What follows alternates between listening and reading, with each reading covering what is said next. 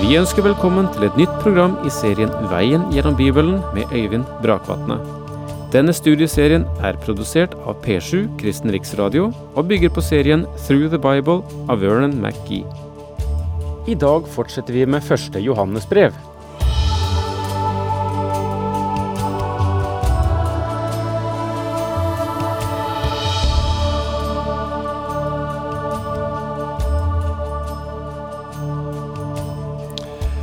Vi befinner oss i 1. Johannes brev kapittel 2 og i vers 15.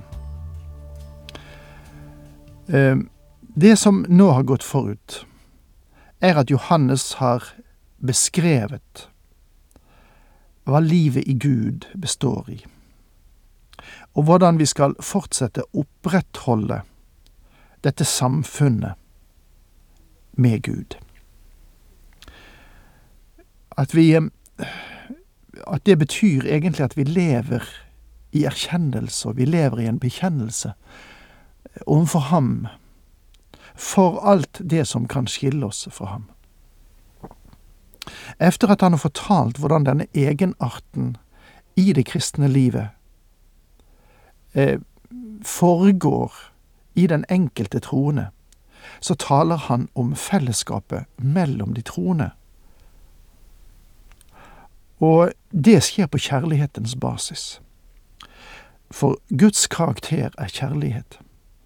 Og det å tilhøre ham, å leve i lyset og vandre i lyset, det er at hans karakter, det som kjennetegner far, bor også i hans barn. Og på den bakgrunn kan vi kjenne Guds barn igjen, og det er det som er grunnlaget for samfunnet mellom oss.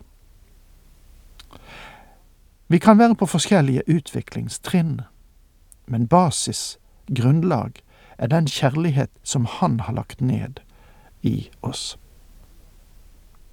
Det finnes trusler eh, når det gjelder dette eh, livet med Gud og samfunnet mellom de troende.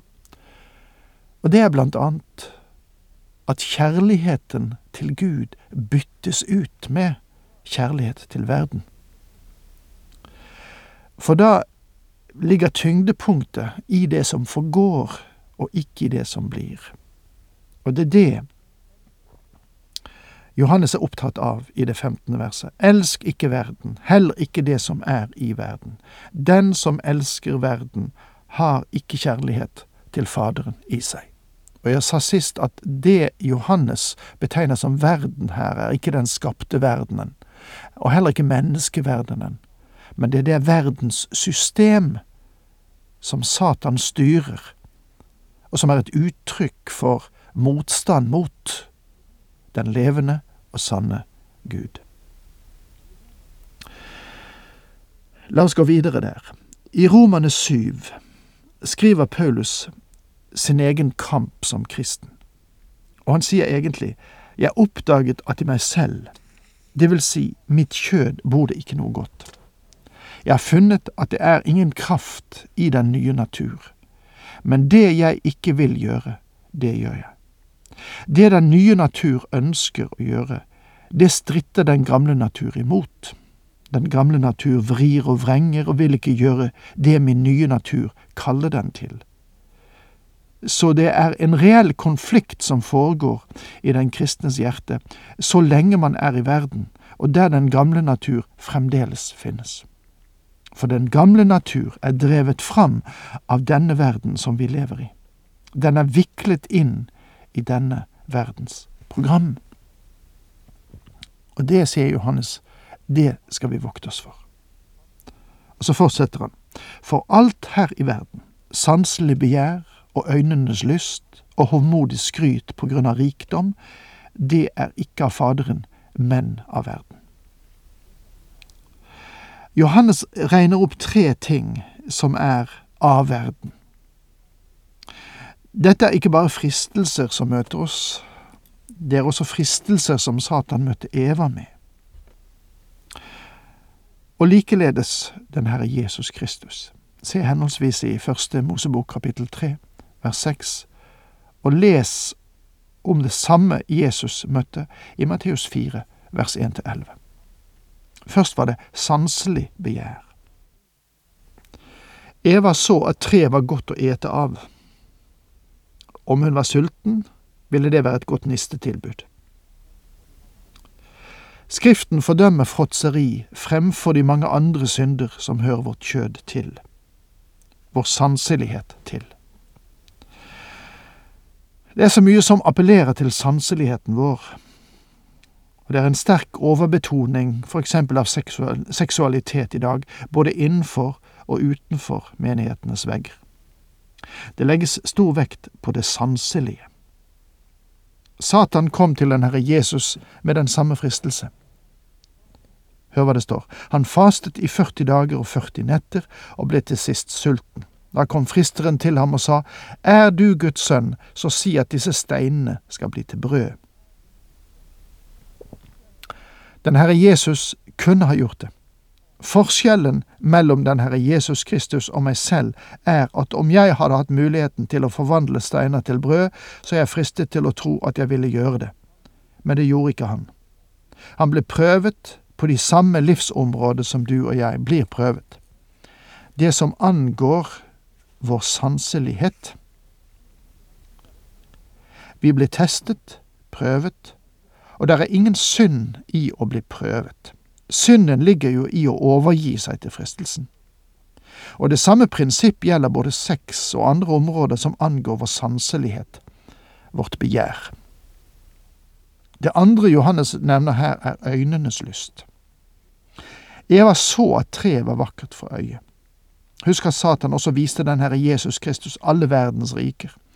La meg få understreke for dere at de er meget tiltalende, og de er i Satans hender.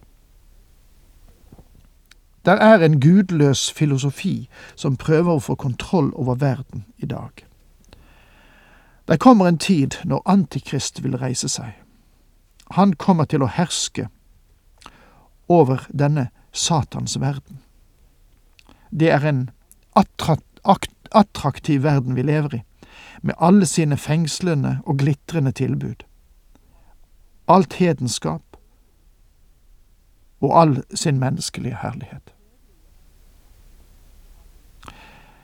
Det tredje Johannes nevner, er hovmodig skryt. Eva så at treet hadde egenskapen å gjøre henne vis. Det er mye hovmod ute og går. Hovmodet når det gjelder familier, hovmod når det gjelder å tilhøre en bestemt rase. Det var til, rase, til, til et rasehovmod Hitler appellerte, og det har vært en appell som har gått hjem hos mange flere folkeslag enn det tyske. Dette rasehovmodet stikker hodet opp igjen oss i dag. Det er et hovmod om nasjonalt liv. Og det er det som får oss til å føle oss hevet over andre. Og denne tanken sniker seg til og med inn i den religiøse verden. Jeg møter noen av de hellige som er svært så stolte av sitt eget kirkesamfunn eller sin egen bevegelse, så de føler seg beføyet til å omtale andre kristne med nedlatenhet, ja, nesten forakt. Det finnes mange slike umodne kristne Satan tok den Herre Jesus til tempelets topp og sa, Kast deg selv utfor. Mange mennesker vil kunne se det, og du vil demonstrere for dem at du står over alle.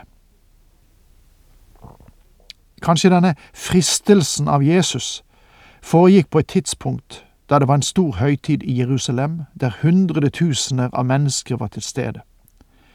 Men den Herre Jesus gjorde aldri et mirakel for å demonstrere sin overlegenhet. Og dette er de tre appellene som verden påvirker deg og meg gjennom oss i dag.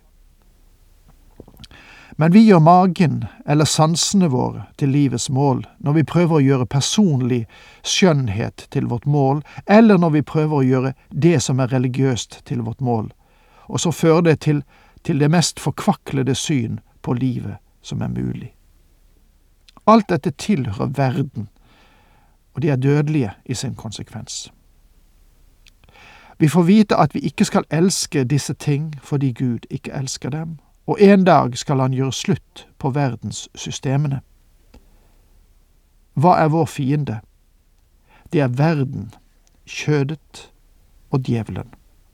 Dette er den samme fristelse som Satan aktualiserte for Eva og for den Herre Jesus. Han har ikke endret sin taktikk, han har bare skiftet maske. Han presenterer den samme fristelse for deg og meg også, og vi faller for den. Nå understreker Johannes årsaken til at vi ikke skal elske denne verden. Og verden forgår med alt sitt begjær, men den som gjør Guds vilje, blir til evig tid. Når jeg ser tilbake helt fra ungdommen av, så ønsker jeg at jeg på et eller annet vis kunne gripe tilbake og gjenvinne noen av disse dagene og bruke for Gud det som jeg har rotet vekk i så mange sammenhenger. Verden forgår, men den som gjør Guds vilje, blir til evig tid.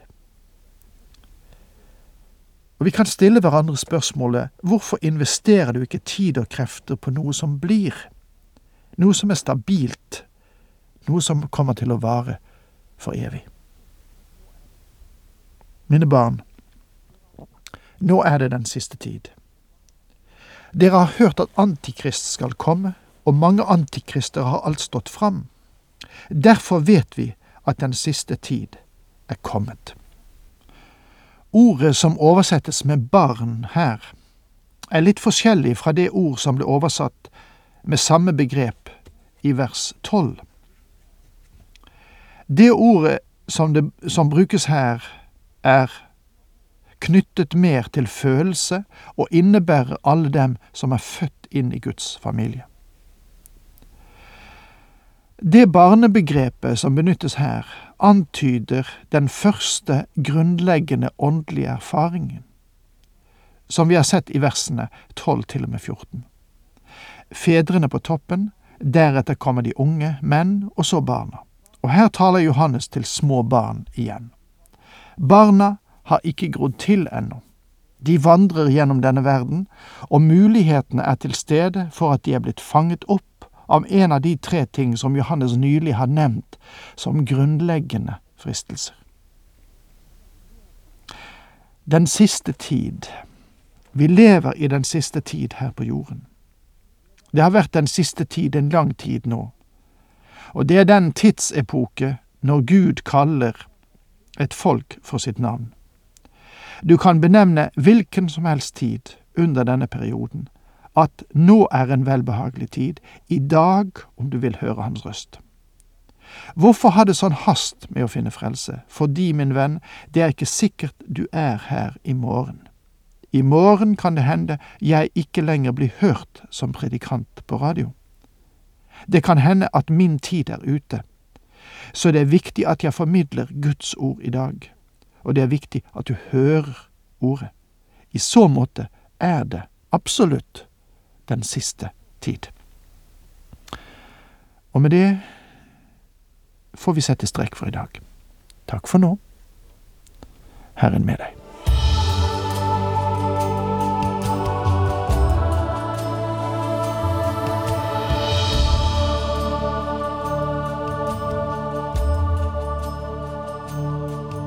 Du hørte Øyvind Brakvatne i studieserien Veien gjennom Bibelen. Serien bygger på et manus av Vern McGee.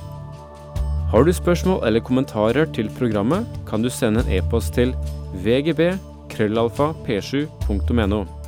Takk for i dag, og på gjenhør.